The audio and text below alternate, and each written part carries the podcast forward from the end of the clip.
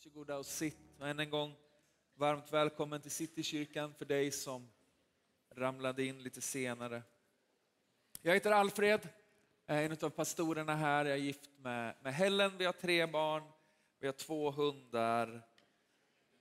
Uh, ja, det räcker så va? Vi har gjort en ganska lång resa tillsammans när vi har predikat oss igenom uh, trosbekännelsen, den apostoliska trosbekännelsen, det som, som kyrkan liksom har enats om eh, är fundamentet för våran tro. Vad är det egentligen som inte är förhandlingsbart? Vad är det som, som ligger där som en, som en grundton och som en grundplåt? Det finns vissa saker där vi tycker och tänker lite olika. Det finns saker där, där det får spreta. Liksom. Men det finns vissa saker som vi är överens om att vi inte kompromissar med och, och det summeras i, i den apostoliska trosbekännelsen. Och har du missat den här serien så skulle jag uppmana dig att, att liksom, ta en liten stund eh, då och då under de närmaste veckorna. Gå igenom predikningarna, det finns på vår Youtube-kanal. Eh, för det ger dig en, en rejäl och god grund att stå, stå på. Vi ska prata om den absolut sista delen i trosbekännelsen som är, eh, som vi har skrivit om det, att leva nu och för alltid. Känns det okej? Okay? Igår var det alla helgons dag, eller hur? Jag bor ganska nära Skogskyrkogården och, och några dagar varje år så, så går det från att vara en, en, liksom en ganska liksom mörk plats, oupplyst plats mitt i Stockholm till att vara en plats som är full med, med tända ljus, det enda gången som jag i mitt liv har sett trafikkaos på en kyrkogård, det är den här helgen. Eh, när människor eh, vallfärdar till kyrkogården för att minnas de som har, som har betytt någonting, de som, som man har förlorat, de som man saknar. Det är en ganska ny tradition läste jag mig till. Det uppstod någon gång efter andra världskriget att vi började tända ljus och liksom samlas på kyrkogårdar. Det visste ni inte, men den fick ni gratis.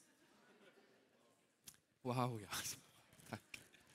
Och vi lever, eller hur, i en, i en tid som är ganska kluven inför döden och inför samtalet med döden, om döden, inte med döden, det ska vi alltid vara kluvna för, men om döden. Eh, och, och, en del av er redan nu skruvar på sig lite och känner att det här blir en tung förmiddag. Eh, men jag lovar, det, det lyfter så småningom. Eh, och, och, och, en del av, av pratet med döden, om döden, eh, med döden, det här behöver jag reda ut. Jag får boka ett själavårdssamtal med, med Jorge. Det är något som behöver liksom städas undan. Uh, men på ett sätt så, så liksom brottas vi med de här frågorna. Vi, vi förfäras över det eskalerande våldet i, i vårt land. Det har rullat en ganska stor diskussion senaste halvåret om, om aktiv dödshjälp, rätten att bestämma över när mitt liv tar ta slut. Eh, och under pandemin, kommer ni ihåg pandemin? Det var ett tag sedan nu, men den finns i bakhuvudet, eller hur? Så förfärades vi gemensamt över eh, det liksom eh, hemska och ovärdiga i att familjer plötsligt inte kunde samlas för att ta avsked av de man älskar och de som man hade nära på det sättet som man ville. Och samhället gjorde till och med avsteg från restriktionerna för att i alla fall kunna samla några på begravningar. Och samtidigt så, så har döden kanske blivit en allt mindre del av livet. Det är nu för tiden inte så ovanligt med begravningar där det finns en präst, en kantor, en begravningsentreprenör. That's it. Eh, inga släktingar, inga vänner och det vittnar om ett samhälle som tycks vara så upptaget med att leva att döden inte längre ryms. Allt fler begravs i vårt land utan begravningstjänst eller minnesstund. Det kallas för direkt begravning. Att det, liksom, det där hoppar vi över. Eh, för 80 år sedan, nästan på dagen, så vann de brittiska styrkorna ett viktigt slag i, och nu ber jag om ursäkt för mitt potentiellt ruttna uttal, i El Alamien i Egypten. Det känns som det blir lite för franskt för att stämma, men där någonstans. Det här slaget kom att spela en stor roll för, för hur liksom krigets utveckling liksom skedde eh, i Nordafrika och nazisterna led ett nederlag och tappade långsamt mark efter den här punkten. Och, och i ett av sina många berömda tal så, så svarar Winston Churchill som är premiärminister i England på frågan om liksom, äh, har vi vunnit nu? Liksom? Har vi börjat liksom, att ta mark nu? Så säger han så här, detta är inte slutet, det är inte ens början på slutet, men kanske är det slutet på början. Som kristna så är vårt hopp evigt. Vi lever inte med tanken på döden som slutet på livet. Döden är bara slutet på början. I boken om dig och mig så är sträckan mellan att vi föds och att vi dör bara på något sätt första kapitlet i boken om oss. Och den boken har en tendens att handla mindre och mindre om oss och mer och mer om Jesus. I första Thessalonikerbrevet kapitel 4 och vers 13 så står det så här. Bröder, vi vill att ni ska veta hur det blir med dem som har insomnat så att ni inte sörjer som de andra, de som inte har något hopp. Paulus säger att, att den kristna tron och det kristna hoppet förändrar sorgen. Vi sörjer i saknad av den vi förlorat, men vi sörjer i tron på att vi ska ses igen. Sorgen är inte bottenlöst, för separationen är inte evig. Och en utav de, av den kristna trons fundament, en av grundvalarna som vi står på, det är tron på ett evigt liv, hoppet om himlen. Jesus säger så här i Johannes evangelium kapitel 14 och vers 1. Låt inte era hjärtan oroas. Tro på Gud och tro på mig. I min fars hus finns många rum. Om det inte vore så skulle jag inte då ha sagt er att jag går bort för att bereda plats för er. Och om jag nu går bort och bereder plats för er så ska jag komma tillbaka och hämta er till mig för att ni ska vara där jag är. Så när Jesus presenterar sitt motgift mot lärjungarnas oro för framtiden så gör han det genom talet om himlen. Himlen finns, säger Jesus. Det finns plats för er och jag kommer och hämtar er. Fascinerande att, att Jesu lösning på, på lärjungarnas problem, deras oro över att saker och ting håller på att förändras, inte handlar om att liksom ha ett bönemöte till eller, eller ni skulle behöva lite längre bibelstudier eller, eller citygrupper. Det är liksom lösningen på er oro, utan lösningen i Jesu bok på, på hjärtats oro är talet om himlen. Det finns ett hem för er, det finns en plats för er och så säger han, låt er inte oroas. För det finns något med oron som hela tiden försöker smyga sig på, eller hur? Som hela tiden vill ta greppet om oss, som hela tiden vill kidnappa mitt hjärta. Så säger Jesus att motgiftet på det där som har en tendens att skena iväg i våra liv är att vi påminner oss om att mitt hem är någon annanstans. Jag är en gäst och en främling på genomresa och i himlen finns det plats för mig och ännu bättre, Jesus kommer tillbaka för att hämta mig. Hur det där ska se ut, hur det där går till, det har vi sett liksom såna här söndagsskolebilder om. Men vi ska inte djupdyka i det. Paul hade en, en, en, serie om eskatologi för typ ett och ett halvt år sedan. Den kan man djupdyka i om man vill grubbla mer kring liksom den yttersta tiden och allt det där. Men det är inte det som vi kommer lägga mest tid på idag. Uppenbarelseboken 2 och, det första, och den första versen säger så här. Och han visade mig en flod med livets vatten, klar som kristall, som går ut från Guds och Lammets tron. Mitt på stadens gata, på båda sidor om floden, står livets träd och det bär frukt tolv gånger. Varje månad ger det sin frukt. Och trädets löv ger läkedom åt folken och ingen förbannelse ska finnas mer. Guds och Lammets tron ska stå i staden och hans tjänare ska tjäna honom. De ska se hans ansikte och bära hans namn på sina pannor.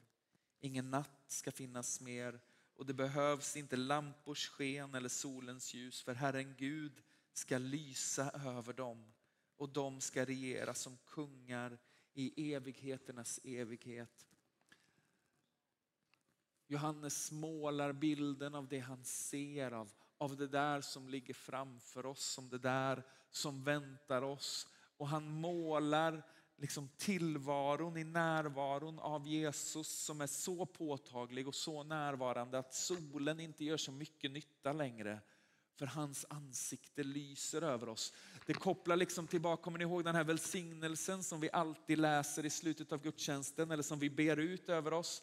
Låt hans ansikte lysa över er och vara er nådig, eller hur? Det är liksom den bönen i sin fullbordan som Johannes ser. Hans ansikte lyser så över oss att solen har spelat ut sin roll. Och så går liksom vi runt med Herrens namn skrivet i våra pannor. Han målar bilden av en plats där, där sorgen inte finns längre, där smärtan inte finns längre, där döden är besegrad, där ondskans makt är krossad och där vi får evigt få leva ansikte mot ansikte med Jesus. Men frågan blir, vad spelar tron på en evighet för roll här och nu? Eller hur? Vad har det med oss att göra här och nu? För det första så tänker jag att tron på himlen ger oss uthållighet i lidandet.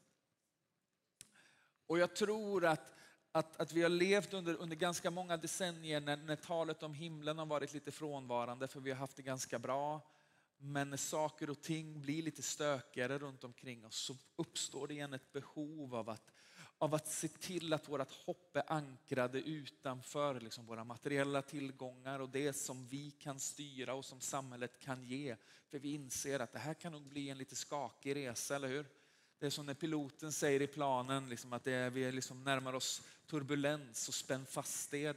Och det säkerhetsbältet tänker jag, liksom, talet om himlen. Vad är det som håller mig ankrad? Ja, men det är att mitt hopp finns någon annanstans. För vi kommer möta motstånd, vi kommer förlora slag, vi kommer gå igenom smärta och sorg. Men en dag, eller hur? En dag ska jag få se honom ansikte mot ansikte. En dag är mörkret borta. En dag upphör sjukdom, lidande, strider, ångest och hat. En dag.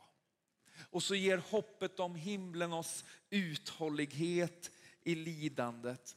Men inte bara uthållighet i lidandet utan tröst här och nu, eller hur? För när jag växer i min insikt om att Jesus redan har bestämt hur boken om mitt liv slutar, att jag oavsett hur första kapitlet skrivs kan vila i att han har skrivit färdigt boken och allt är väl med min själ när boken tar slut för då kommer jag få se honom ansikte mot ansikte, så kan jag hämta vila och tröst i det mitt i motgången. Inte bara att en dag kommer allt bli bra, utan i den större berättelsen om dig och mig och oss så är hans ansikte vänt mot oss och mörkret redan utplånat. Men jag tänker också att talet om himlen gör oss fria och frimodiga här och nu. I vilan, i att himlen är mitt hem, får rädslor och människofruktan långsamt krympa tillbaka. Paulus säger till och med så här i Galatierbrevet 2, vers 20. Nu lever inte längre jag, utan Kristus lever i mig. Och det liv jag nu lever i min kropp, det lever jag i tron på Guds son som har älskat mig och utgett sig för mig. Tron på Jesus, frälsningen och dopet får inte bara konsekvenser för min evighet, det förändrar också mitt liv nu. I dopet dör jag från mitt gamla liv och uppstår till ett nytt liv med Jesus. Och när vi som troende tappar talet om himlen så riskerar vi också att tappa frimodigheten här och nu. När Paulus säger, nu lever inte längre jag utan Kristus genom mig så är ju inte det någon sorts liksom förvarning om att snart kommer det börja lukta lik här. Alltså det är inte det han säger, eller hur? Förlåt om den bilden blev lite väl grotesk. Det kom jag på nu, hade jag tänkt lite innan så hade jag tagit något annat. Men så är det. Det är vad det är, eller hur? Men, men, men han pratar om någonstans ett, ett, en, en förflyttad trygg där han vilar i att, att det som en dag kommer ske har redan börjat att ske och därför så behöver jag inte leva livet i rädsla för hur det ska gå för det här. För det är inte jag som håller i trådarna längre, det är Kristus som lever i mig, eller hur? Där i finns mitt hopp och där i finns min frimodighet. Jag, jag har ingen dödsönskan, men det värsta som kan hända mig är att jag dör, eller hur? Och sen kommer jag få se honom. Och det är inget jag liksom ser fram emot, men det är någonting jag längtar efter. Kan man säga så? Är det begripligt? Varje månad så, så bokar jag in i min kalender en natt mellan torsdag och fredag. Vi är lediga på, på fredagar. Så då bokar jag in en natt mellan torsdag och fredag när jag går ut i skogen och så hänger jag upp min hängmatta och så sover jag ute i skogen en natt. Och så har jag som målsättning tillsammans med min vän Samuel att, att lyckas göra det här eh, en natt i månaden under ett helt kalenderår. Eh, vi var ute här för några veckor sedan. Det börjar bli svalare. Eh, så nu utför jag någon sorts liksom lågintensiv förhandling med min fru om en lite varmare sovsäck för att det här ska gå bra. Det är dyrt med sovsäckar, visste ni det? Men, men, men jag har liksom bestämt mig för att jag lägger in en sån där grej i månaden. Delvis för att jag mår väldigt gott de där timmarna. Liksom. De där timmarna i skogen, jag får tända en brasa, sitta med min vän Samuel och så pratar vi om livet. Och så är det någon sorts liksom grabbig själavård för man slipper se varandra i ögonen när man pratar. Eller hur? Utan vi tittar på elden och så, så berättar vi liksom hur vi mår. Men det är nästan som att vi låtsas att det inte är någon annan där. Fantastiskt välgörande. Har du svårt att prata om dina känslor, så testa dig att prata om dem framför en eld. Det blir mycket enklare. Men de där timmarna i förhållande till månadens alla andra timmar är ganska få. Men det jag märker är att när jag stoppar in det där i min kalender så får jag någonting att se fram emot, eller hur? När, när livet känns lite grått och trist. Igår var det bedrövligt grått alltså. Det gick liksom inte att se vart asfalten tog slut och vart himlen började. Det var ah, november i Stockholm. Men när livet hamnar på den där platsen så, så, så, så, tittar jag i min kalender och så ser jag att om två veckor så ska jag ut i skogen eller om tre veckor ska jag ut i skogen och så ger det mig någonting att se fram emot. Och så där tänker jag i en mycket mycket större variant är liksom talet om himlen för den troendes hjärta, eller hur? Jag har någonting att se fram emot. Jag har någonting som jag kan fästa blicken på i de där säsongerna när resan inte är riktigt så mjuk som jag hade önskat. När, när liksom det inte känns som att all den himmelska världens andliga välsignelser väller över mig, utan det känns lite mer som att Gud kanske har glömt bort mig. För så får man känna, han har inte det, men, men det är känslan ibland. Så har mitt hjärta ändå sin vila i att en dag en dag ska jag få se honom ansikte mot ansikte. En dag så kommer mörkret vara borta. En dag så är det slut på, på lidandet. En dag kommer sjukdomen vara borta. En dag, en dag ska vi få se honom så som han är. Och så lever du och jag våra liv liksom eh, med en riktning och med ett uppdrag. Riktningen som vi har är att Bibeln beskriver oss som pilgrimer. Vet ni vad en pilgrim är? En pilgrim är någon som är på, på genomresa, eller hur? En pilgrim är någon som är på väg mot ett mål. Men det är någonting i pilgrimens resa som också har ett syfte. Så re, för målet för vart vi är på väg är himlen. Du och jag är på genomresa, vi är gäster och främlingar. Vår destination är himlen, men resan har också med sig ett uppdrag. Vi är kallade att samtidigt som vi är på väg mot himlen leva liv, nu blir det rörigt, leva liv som för himlen hit. Hängde ni med? Liksom den dubbla riktningen i våra liv. Mitt hjärta hjärta vilar tryggt i att mitt hemland är någon annanstans. Jesus har berättat ett rum för mig. Allt kommer bli väl till slut. Men ibland så, så har kyrkan en liten tendens att bete sig som en busshållplats dit jag går och sätter mig och så väntar jag på att tåget till himlen kommer. Det gör jag inte på en busshållplats, det gör jag på en pendelstation. Men ni fattar.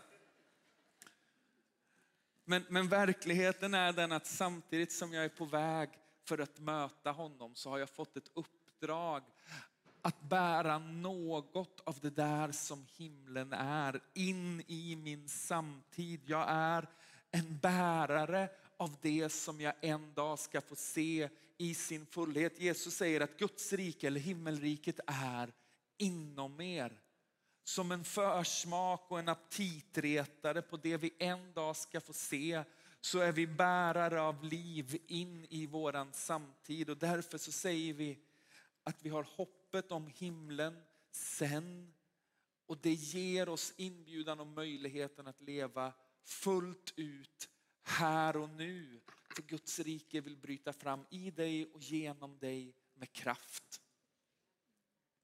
Det kommer alltid finnas ett, ett glapp, ett avstånd, en, en frustration över att allt inte sker som vi vill och som vi ber och som vi har tänkt oss förrän en dag.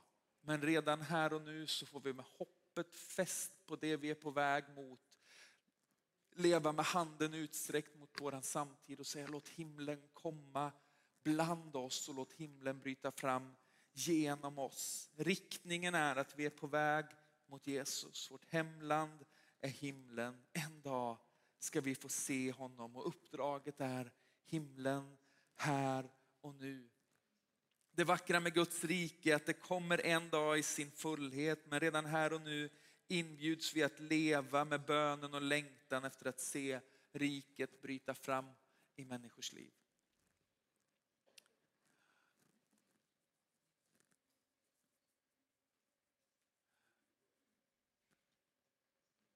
Jag tror att, att för en del så, så finns det ganska mycket liksom, eh, befrielse att hämta i den förnyade insikten om att jag är på väg till himlen. Där inte mitt nuvarande tillstånd är permanent. För det är nog problemet för den som har brottats med samma sak ganska länge. Att det infinner sig någon sorts uppgivenhet. Ska jag någonsin bli frisk? Eller ska den här ångesten någonsin släppa sitt grepp? Eller ska den här känslan av att, att hur jag än försöker ta mig framåt så är det ett steg fram och två steg bak. Eller det känns som att hela liksom helvetet har bestämt sig för att ge sig efter just mig för det är skit på skit på skit. Och så finns det en, en vila och en befrielse och ett hopp i att det här är bara prologen i berättelsen om mig. Det är de första raderna skrivna i boken om vem jag är. Resten av boken utspelar sig inför hans ansikte. Det finns ingen sjukdom längre. Det finns ingen ångest, det finns inget lidande och det finns ingen död. Men det är inte bara liksom hoppet vi krampaktigt håller fast vid tills dess att vi får kliva över liksom gränsen till andra sidan, utan det är inbjudan vi lever med. För Jesus säger så här ska ni be, låt riket komma. Låt himlen komma. Vi kallas och inbjuds att leva liv som först förstår vad vårt eviga hopp är och sen ber frimodigt att det där eviga hoppet börjar bryta in i våran tillvaro här och nu. För i Jesus Kristus så är det som att den där gränsen har suddats ut lite grann, eller hur? För nu lever inte längre jag utan Kristus lever i mig. Så jag är en gäst och en främling, en pilgrim på genomresa, men med ett uppdrag att be att himlen redan här och nu bryter fram i mitt liv och genom mitt liv så att Gud får bli ärad och så att människor får bli räddade. Amen.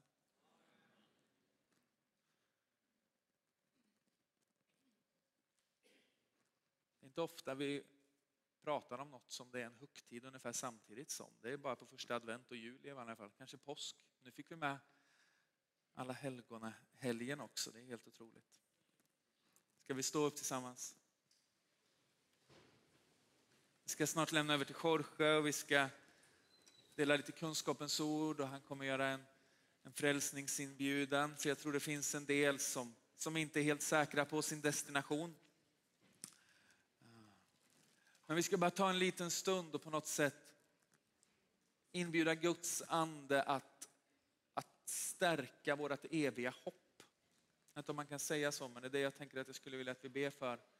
Det finns ibland en, liksom en matthet som infinner sig i att inte veta vart man är på väg.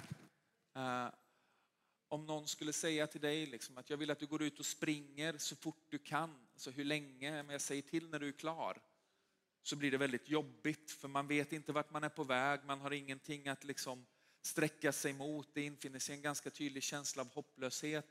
Men om någon säger jag vill att du springer en mil så fort du kan, så vet jag att jag kan liksom fördela den orken jag har så bra jag kan för att nå dit jag ska.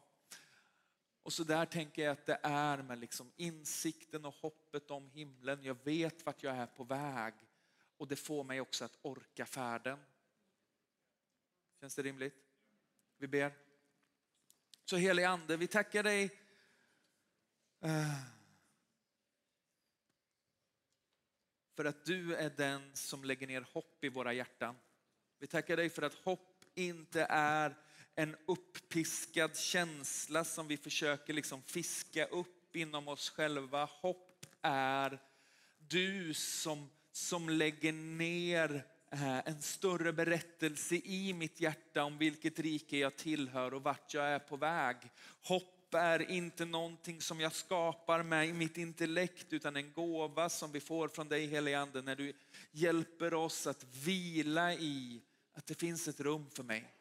Det finns en plats för mig och oavsett vart jag befinner mig i livet just nu så kommer min Jesus tillbaka för att hämta mig. Jag är inte lämnad, jag är inte övergiven, jag är inte glömd. Han har inte vänt sitt ansikte från mig. Han ser mig, han är på väg mot mig och vi ber Herre, stärk vår tro, uppväck vårt hopp